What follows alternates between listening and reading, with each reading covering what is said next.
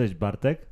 Witam Was, drodzy słuchacze Radia Klank. Chcieliśmy zaprosić Was do wysłuchania naszego pierwszego odcinka podcastu z boku bloku.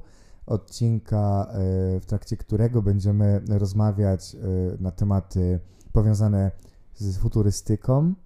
E, także serdecznie zapraszamy Was do wysłuchania, ale zanim jeszcze będziemy rozmawiać na tematy, które nas ostatnio zainteresowały, chcieliśmy Państwu zapuścić nasz, mm, mój ulubiony utwór, utwór e, amerykańskiego kolektywu Darkside, e, kolektywu stworzonego przez e, Nicola, Nicolasa Żara oraz Dave'a Harringtona. Także serdecznie zapraszam na utwór Paper Trials.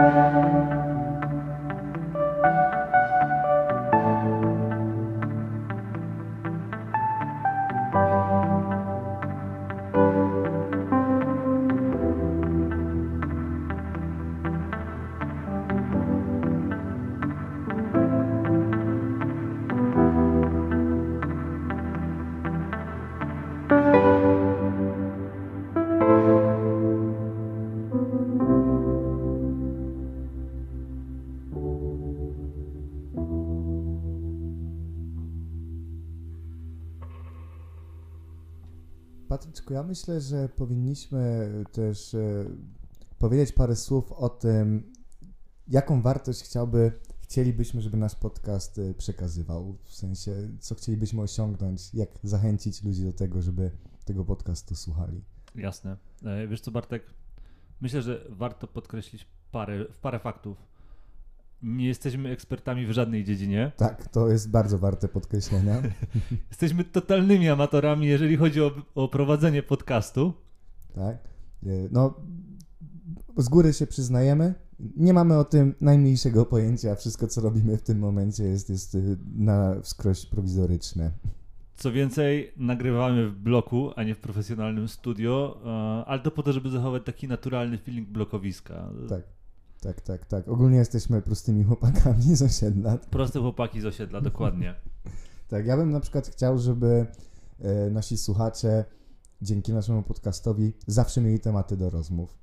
Tak, bo jak już wspo- wspomniałem, przez to, że nie jesteśmy ekspertami, ale lubimy wyszukiwać informacje, lubimy się dowiadywać nowych rzeczy i Lubimy lubimy się się dzielić tymi ciekawostkami. Dokładnie.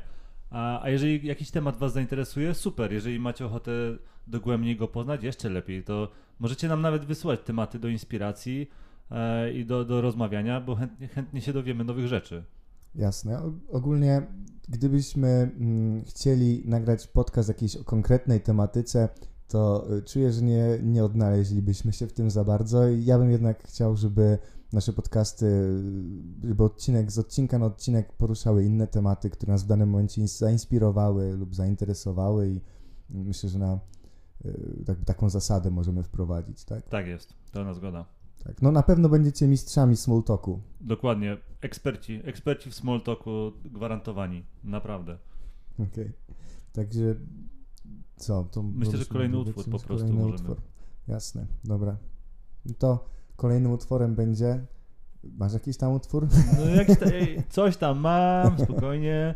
E, e, o, wiem. Tu jest e, Touch Sensitive, Pizza Guy. To jest utwór, który zawsze marzyłem. E, gdzieś sobie wizualizowałem, że jeżeli miałbym swoje show gdziekolwiek, to ja ten utwór puszczę. E, I teraz dla Państwa, dla słuchaczy, Touch Sensitive, Pizza Guy. Zapraszam serdecznie.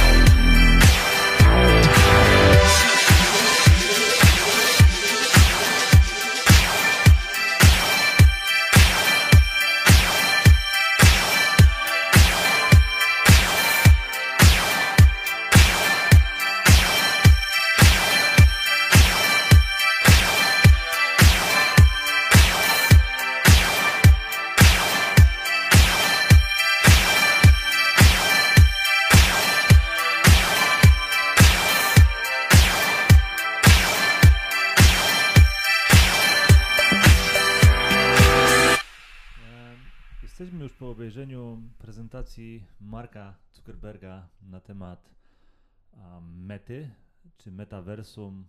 To nie, nie ma znaczenia. Mhm. Facebook zmienił nazwę, mają koncepcję, jak będzie wyglądała nasza najbliższa przyszłość. Bartek, jak podobała Ci się ta prezentacja? Przede wszystkim cały czas odnoszę wrażenie, że Marek nie jest z tej planety. Tak, właśnie, nie, właśnie muszę Ci, muszę ci e, potem pokazać z- słynne zdjęcie Marka, który surfuje na desce.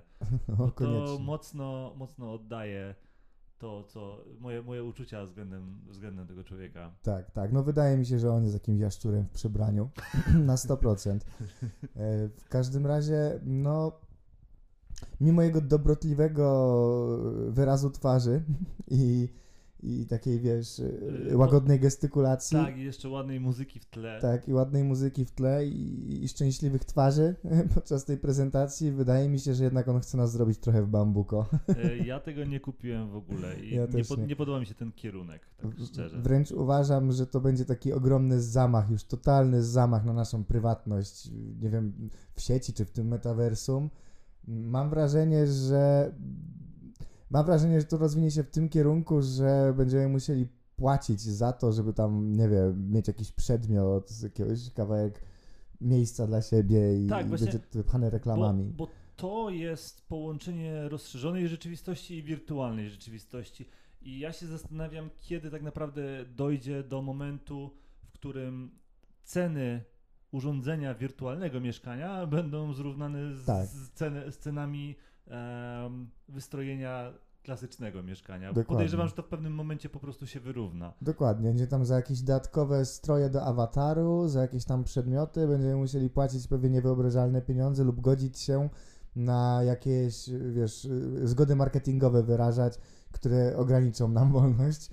Mm, Też nie do końca sobie wyobrażam, jak to ma funkcjonować, ponieważ no, z tego co zrozumiałem, będziemy musieli założyć jakieś gogle, tak? Tak, to będzie potwornie niewygodne. No właśnie, bo mm, korzystałem z tych gogli, to się chyba Ja nazywa Oculus, tak? Tak, ja chyba korzystałem z PS4 VR, ale ja nie mam pojęcia, jak to się nazywa. Mhm. I no dla mnie nie było to wygodne. Ja to wspominam bardzo źle. Było w tym bardzo gorąco.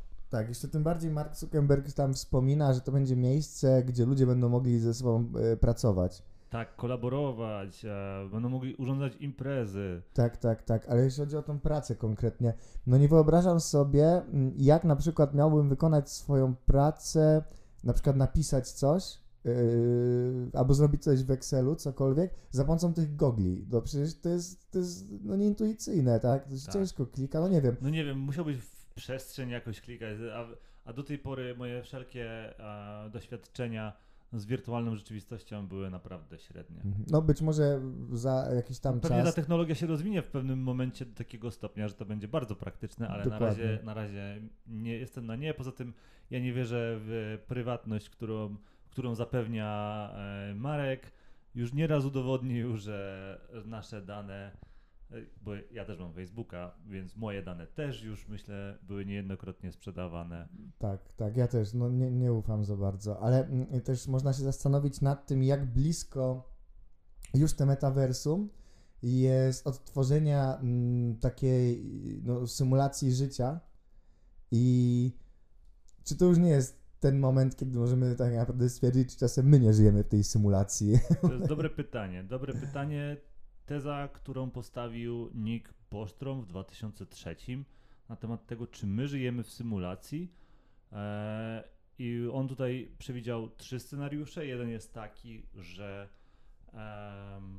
nie żyjemy w symulacji, ponieważ e, każda cywilizacja, która mogłaby dojść do takiego poziomu zaawansowania, już zdo, zdoła wyginąć, nim to się wydarzy. E, druga opcja jest taka, że są cywilizacje, które są na tyle rozwinięte, e, że nie interesuje ich tak na dobrą Mhm. sprawę, jak, e, jak, jak ich przodkowie żyli, albo jak mniej rozwinięte. No, byłoby to dla nich nudne, albo jak taki no stary western, albo wiesz o co chodzi, nie? Ale z drugiej strony nie chciałbyś zobaczyć, jak żyli ludzie pierwotni. Ja, ja bym to chciał, chciał zobaczyć. Chciałbym, jeśli byłaby taka możliwość, to jak najbardziej, ale no, nie, nie wiem, czy miałbyś na to wpływ, nie? Bo w sumie ktoś by mógł wysymulować to, że wiesz, ty żyjesz jako, nie wiem, jakiś biedak z, z lat 80. w Nowym Jorku, nie?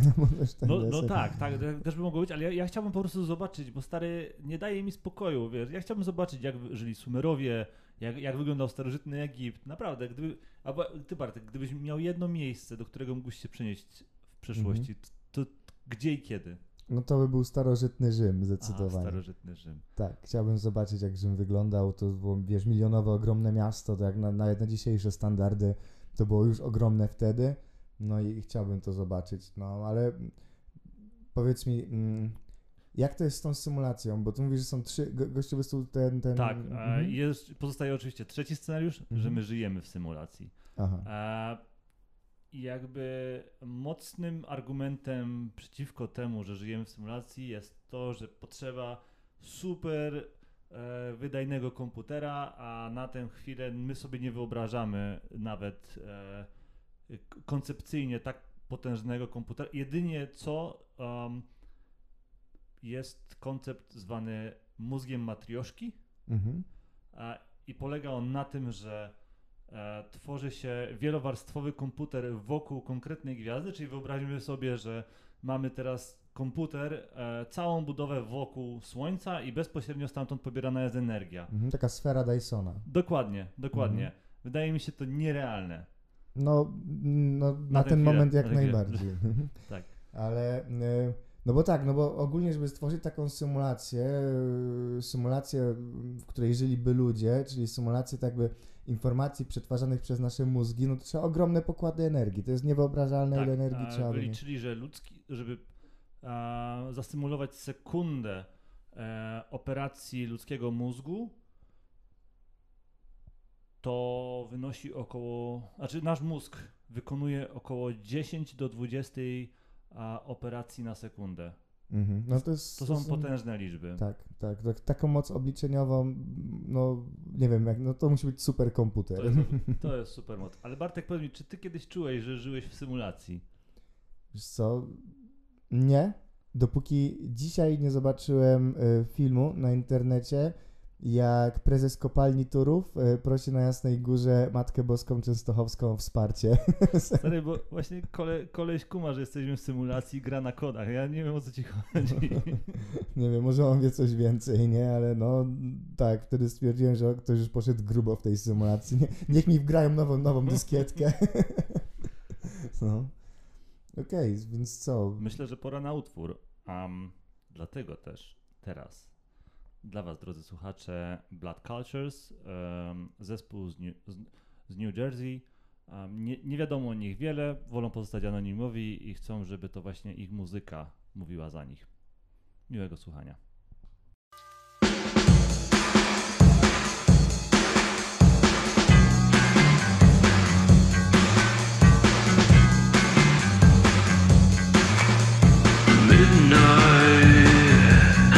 The cemetery. Poison is a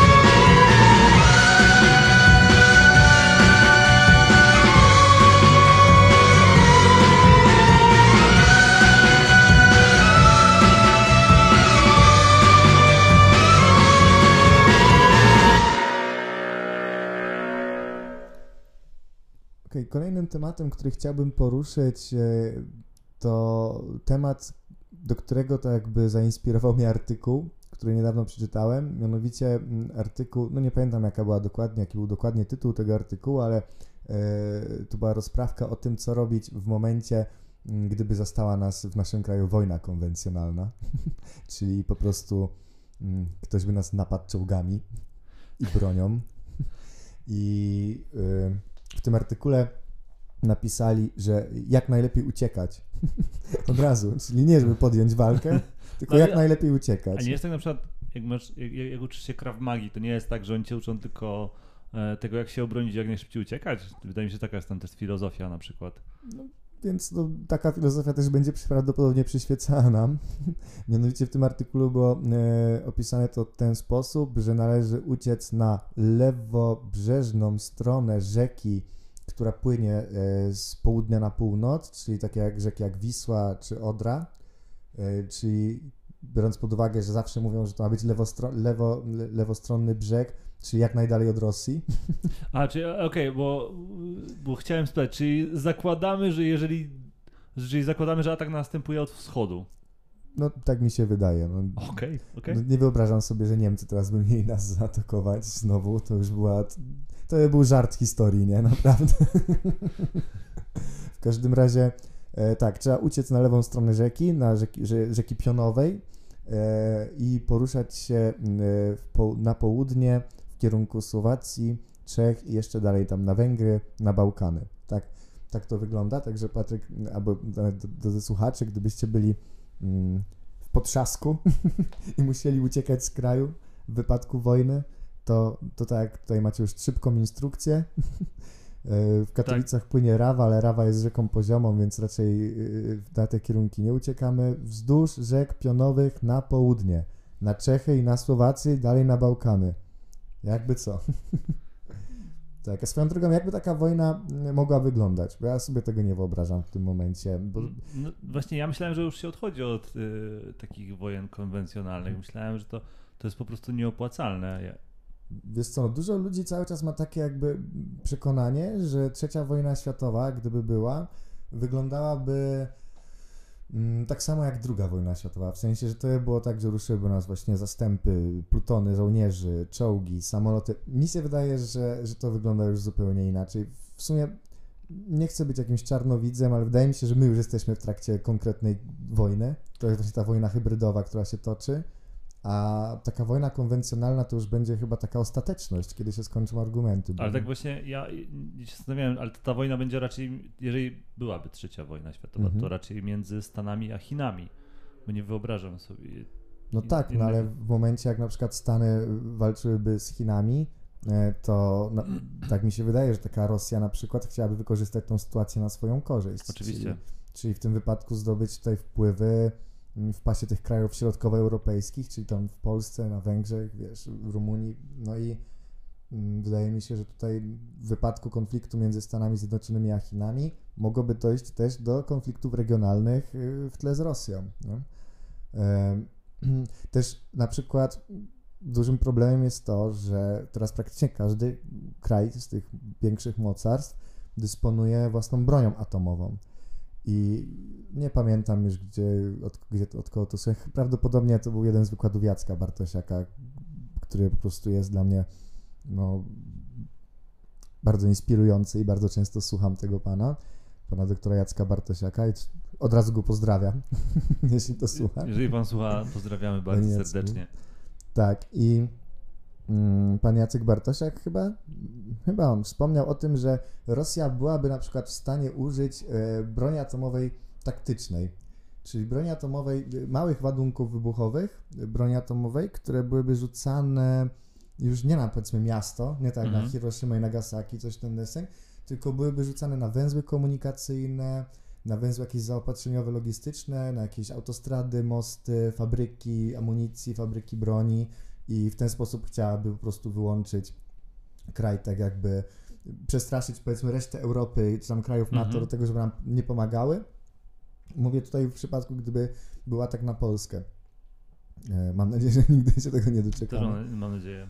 Tak, ale że wyglądałoby to w ten sposób, że właśnie używaliby małych ładunków jądrowych, żeby poprzecinać te linie zaopatrzenia, linie komunikacji, żeby, żeby y, odciąć tak by Polskę od pomocy od Zachodu i w ten sposób, no, wydaje mi się też przy użyciu broni, broni jądrowej, no tutaj już jest taki efekt psychologiczny, że prawdopodobnie złożylibyśmy broń.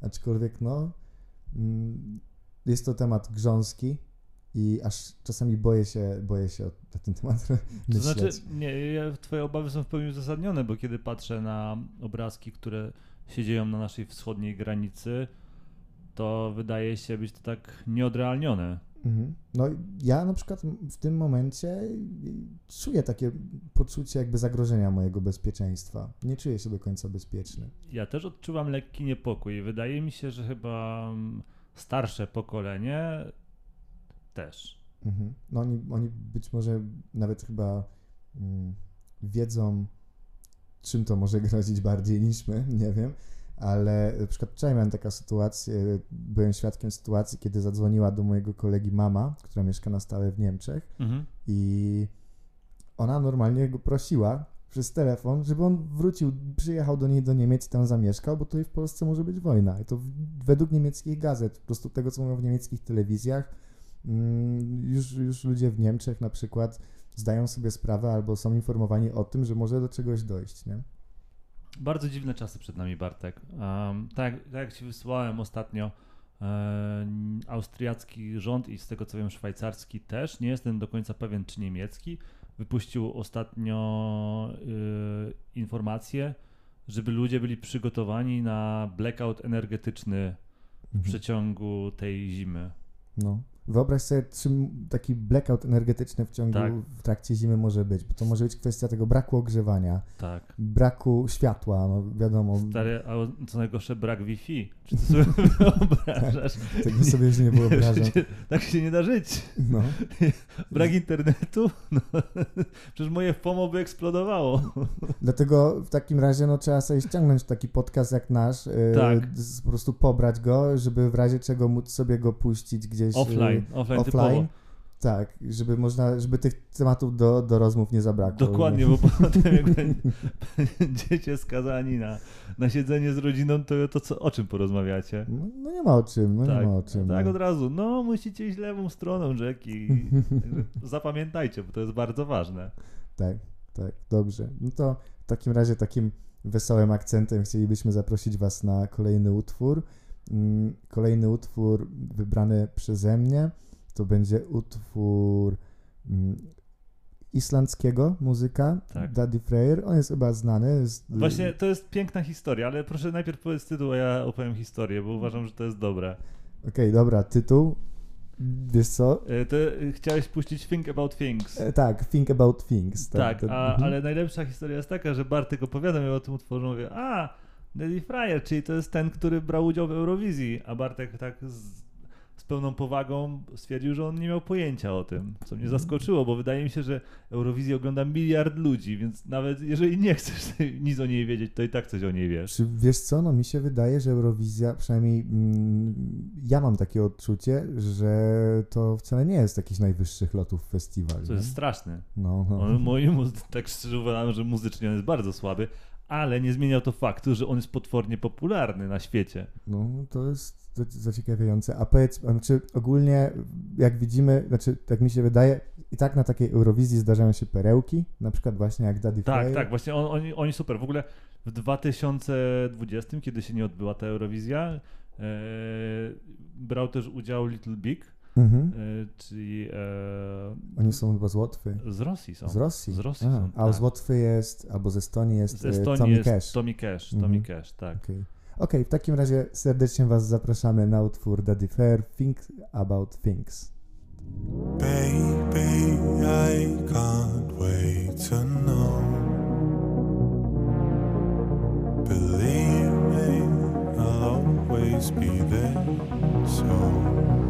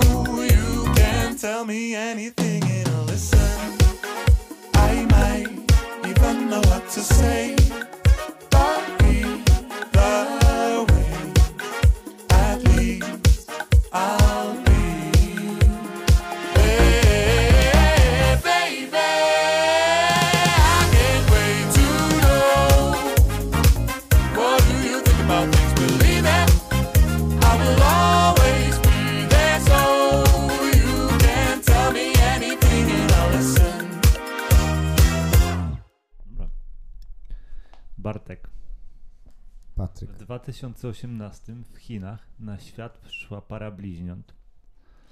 A, I była to prawdopodobnie, to byli, to byli prawdopodobnie pierwsi ludzie, którzy, nie wiem czy to dobrze brzmi, ale zostali zmodyfikowani genetycznie. Mianowicie kiedy te siostry były w fazie embrionalnej i geny zostały zmodyfikowane. Jak się okazuje, była to część eksperymentu, w której brało udział 8 par. E, ojcowie byli nosicielami wirusa HIV, a, a matki nie. I u tych dzieci próbowano rozwinąć gen, który uodporni je na, a, na właśnie na zakażenie się tym wirusem. I to się udało? No właśnie, problem jest taki, że nie ma w tej chwili tych papierów nigdzie oficjalnych. No, drugi jest taki, że prawdopodobnie ludzi, którzy przeprowadzali ten eksperyment, aresztowano w 2019. O kurde. E, tak, jest jeszcze teoria, że niby e, trzecie dziecko się urodziło, ale nigdzie tego nie potwierdzisz i żadne e, media też tego ci nie potwierdzą. E, widziałem tylko tam w oświadczeniu, że ci lekarze napisa- powiedzieli na sali sądowej, że zrobi- dokonali, dokonali tego eksperymentu y, dla sławy i poklasku. No ale podejrzewam, że to nie oni. E, Nie oni sobie pisali ten tekst i nie oni mieli to w głowie, kiedy to mówili. Powiem ci, że no, cała ta sytuacja wygląda tak troszkę tajemniczo. Tak. Ale to, czyli rozumiem, że już jest możliwe, mm, technologiczne, technologicznie możliwe to, żeby zmieniać genotyp, kod genetyczny człowieka tak, żeby nadać mu cechy pożądane. Tak, to już ta technologia będzie się rozwijała przez najbliższe lata. Pytanie, jak będą na to reagować państwa, jakie będą regulacje, bo nie, nie wyobrażam sobie, żeby tego typu eksperymenty były przeprowadzone gdzieś w Europie, gdzieś w krajach zachodnich. Ja podejrzewam, że jeżeli już te, te eksperymenty gdzieś będą miały miejsce, to będzie głównie w Chinach. No, Bo tamte regulacje raczej są e, bardziej przyja- nie, przyjazne. To nie jest to słowo, którego, którego chcę użyć. Tutaj. czyli teraz Azjaci już są ogólnie tak. Najlepszymi inżynierami, są niezwykle szybcy, niezwykle dokładni, świetnie pracują. To teraz jeszcze im genetycznie ich zmodyfikują tak, żeby nie wiem, być e, jeszcze szybszymi, żeby mieli po dwa metry. Znaczy ja z tego co widziałem, to jednym z lekarzy, którzy brali udział w tym eksperymencie, był Amerykanin. E, Z tego co kiedyś wyczytałem, wiele amerykańskich firm prowadzi badania w Chinach właśnie dlatego, że przepisy w Stanach nie zezwalają i nie byłoby to etyczne według standardów zachodnich, by przeprowadzać niektóre z eksperymentów. Natomiast to jest wszystko mm, ściśle tajne i nie do końca. Nie, nie można tego w pełni zweryfikować. Mhm. No, wiesz co, ciężko jest mi sobie wyobrazić świat, w którym ludzie będą mogli, mm, powiedzmy, w próbówkach, tak? Bo do tego to zmierza. Yy, Prawdopodobnie tak. Mhm, czyli to wyglądało troszkę tak jak e, u Huxleya w Nowym Wspaniałym Świecie, że po prostu nie dochodziłoby już do prokreacji za pomocą powiedzmy, nie wiem, narządów płciowych, tak wyrażę, Tak. tylko po prostu dziecko byłoby po, poczęte w próbówce i od razu tak zmodyfikowane, żeby nabrało cech i, i, i wszystkiego, na czym ci zależy, tak? Tak, jest dużo sensu w tym, co mówisz. I możliwe, że będzie, że będzie to wyglądało w ten sposób, że dzieci będą się rodziły tylko i wyłącznie w laboratorium, laboratorium a seks będzie po prostu wykorzystywany tylko do Do re- rekreacji. rekreacji. Mhm. Okej, no wiesz co, najbardziej mnie przeraża to, że mm, jeśli to by było ogólnodostępne Mhm. Przyszłości, to na pewno byłoby dostępne na początku dla najbogatszej klasy społeczeństwa.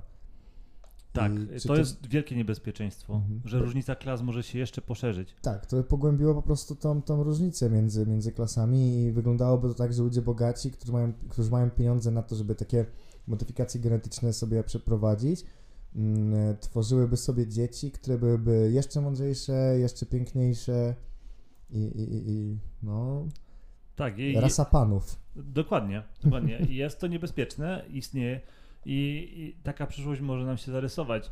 Dlatego, dlatego myślę, że tutaj ważną rolę od, odgrywają rządy, Mhm. żeby to w jakikolwiek sposób można było regulować, ale czy tak będzie? Nie wiem. Nie. Mam, mam, mam małą wiarę, jeśli chodzi. No nie wiem, nie wiem. Że no, to jest naprawdę ciężki temat i uważam, że Przyzwyczajenie ludzi do tej myśli, myślę, eh, do tej myśli mhm, jest już, jest już wystarczającym wyzwaniem, bo tak. e, wiele osób może uznać to za mocno nienaturalne. Pytanie, Mhm. co jest naturalne, bo my jako gatunek, moim zdaniem, od zawsze zajmujemy się e, modyfikacją.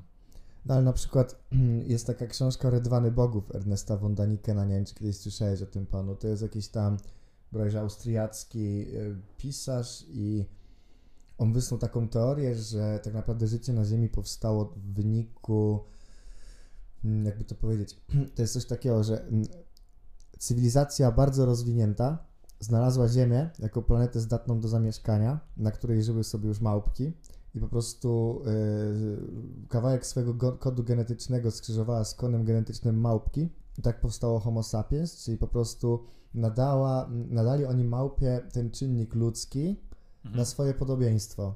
I stąd się biorą wszystkie religie, wszystko co wiesz, tak jakby powstawało cały czas, e, się bierze właśnie z tej koncepcji, że, ci, że, że człowiek został stworzony na podobieństwo bogów. No i, no i ten Ernest von Däniken właśnie taką teorię wysnuwa, że to, że to ta rasa, taka by właśnie ta cywilizacja, która przyleciała na Ziemię, e, wprowadziła ten genotyp do małpek i przystosowały się małpki do życia tutaj i szybko zdobyły przewagę nad innymi małpkami i tak stali, staliśmy się tym, kim jesteśmy, a świadczyć o tym, takie argumenty on tam ma, że świadczyć o tym ma na przykład to, e, że znaleziono figurki gdzieś tam w Ameryce Południowej, które wyglądają jak kosmonauci, nie? A Mhm. były, wiesz, czczone jako bogowie i że na przykład gdzieś tam też w Ameryce Południowej jest góra, która została ścięta tak równiutko, jakby to było ścięte, wiesz, nienaturalnie jakimś laserem czy czymś i ta góra niby według Ernesta von Danikena miała być e, lądowiskiem dla tych, dla tych statków, nie? I, no i plus tam, wiesz, milion rzeczy typu takie, że ta technologia na przykład budowania piramid czy czegoś, no była nieosiągalna wtedy i oni musieli im w tym pomóc. No ogólnie polecam Rydwany Bogów Ernesta von Danikena sobie przeczytać choćby dla sportu. Mhm. No i, i, i co? I teraz my się bawimy w Bogów. Tak, jak najbardziej, no. Okej. No temat, temat bardzo Te, taki temat jeszcze będziemy kiedyś poruszać, ale Mhm. to... Może jak się troszkę e, więcej jeszcze spróbujemy mm, Tak, do, dowiem się, co się stało z tym lekarzem, czy on dalej siedzi w więzieniu, czy nie, to... Mhm. E, No a w międzyczasie może jakiś utwór. Dobrze, ale jeszcze zanim puścimy utwór, powiedz mi Patryk jedną rzecz. Jasne. Powiedz mi, czy ty byś był zdolny do Tak. tego, żeby zmodyfikować swoje dziecko, gdybyś miał taką możliwość? Tak, bo ja, je- jeden z argumentów przytoczonych za tym, żeby jednak modyfikować, modyfikować te dzieci jest taki. Jeżeli ty wiesz, że twoje dziecko jest narażone na jakieś choroby, które krążą w twojej rodzinie od, od dłuższego czasu, od wielu pokoleń, to czy ty na pewno chcesz je skazywać na to, żeby ono też je miało? Bo tutaj został argument e, przytoczony podobny do tego, czy należy szczepić dzieci, czy nie. No okej, no możesz tego nie zrobić, ale pytanie, czy ryzyko jest tego warte? Mhm. No, No to już, to już wiadomo, każdy odpowiada w zgodzie ze swoim sumieniem. No ja nie mam dzieci, więc nie umiem się ustosunkować, ale wydaje mi się, że gdybym ja miał podjąć jakąś decyzję, to bym prawdopodobnie się zgodził. mhm. Ze, po prostu ze względów takich bezpieczeństwa Dokładnie. i zdrowia przyszłego tego Tak, dziecka. No, tak. Jasne. To się jeszcze może wydawać w miarę humanitarne, ale gdyby dochodziło do takich sytuacji, że e, ludzie by, nie wiem, wszczepiali jakieś genotypy innych istot żywych, na przykład, nie wiem, rekina, żeby to dziecko miało skrzela i, i świetnie pływało pod wodą, nie wiem o co chodzi, nie? Aha. Na przykład Michael Phelps by sobie stwierdził, że zrobi sobie dziecko rybę, żeby wygrywało te olimpiady. No to już jest kontrowersyjne. No nie, ja nie miałem na myśli, nie miałem na myśli takich modyfikacji. Ja raczej, ja raczej miałem na myśli takie bardziej przydatne. Znaczy, to też jest przydatna, ale wydaje mi się, że jest mniej humanitarna i mniej etyczna i ciężko na to spojrzeć raczej. Właśnie, jeszcze do tego by doszły kwestie religijne przecież, nie? O, to na pewno.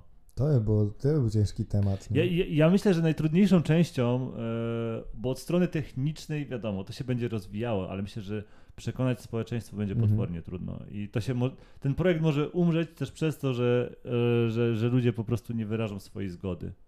A są też takie geny odpowiedzialne za mm, długość życia u człowieka, nie? Tak. Więc y, taka modyfikacja mogłaby spowodować na przykład to, że ludzie byliby nieśmiertelni.